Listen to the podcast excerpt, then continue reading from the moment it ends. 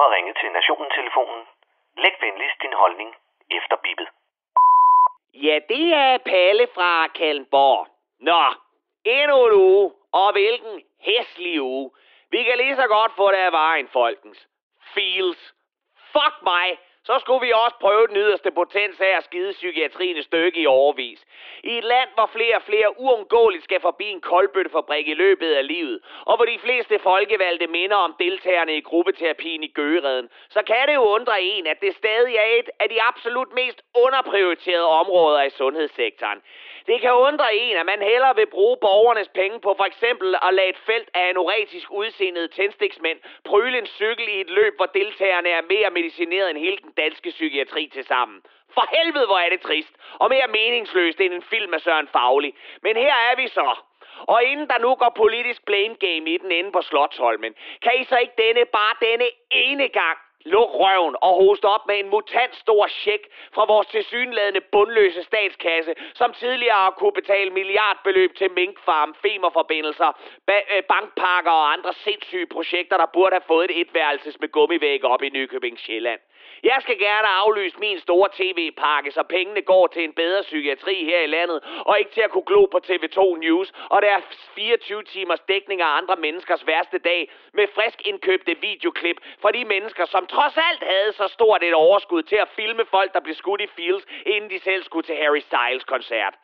Så inden sommerferien sænker sig over Christiansborg, så sætter I jer lige sammen om en af jeres berømte brede forlig og spytter penge i psykiatrien. Ellers så kommer Palle fandme efter jer bevæbnet med hammer, mejsel og et hurtigt kursus i frontal lobotomi. Og så skal jeg fandme ellers lige love for, at Mette F. hun blev reddet på målstregen af alle hendes veninder, alle hendes veninder, som ikke så nogen grund til at lade en advokat undersøge landets statsminister, som kun kunne indrømme andre menneskers fejl og ikke hendes egne.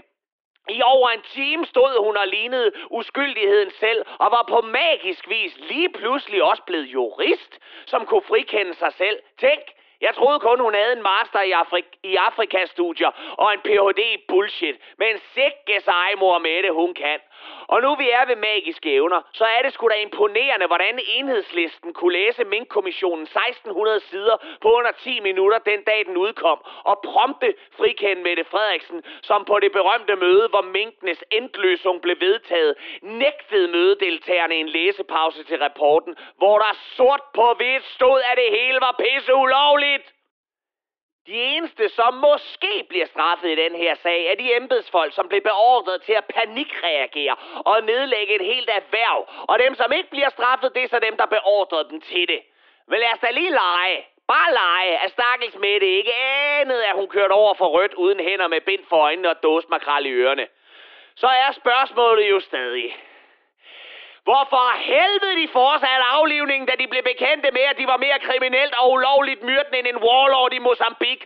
Og hvis vores kære statsminister nu lige pludselig på magisk vis er blevet en jurist, der kan frikende sig selv og samtidig stå last og bræst med Barbara Bertelsen, hvorfor helvede er så hverken den ene eller den anden ikke på vej på tidlig sommerferie med en fyreseddel i hånden på et aflyst SAS-fly til Langbordistan? Ja, så er det på. Blå blok, de kunne jo godt finde deres moral og stillinger støjbær for en rigsret.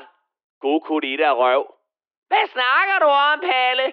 Dejlig nede på jorden, Inger. Hun blev da fældet af sine egne. Ja, men for helvede da ikke, da de sad i regering, din idiot. Det var præcis samme uledelige skuespil, der udspillede sig der.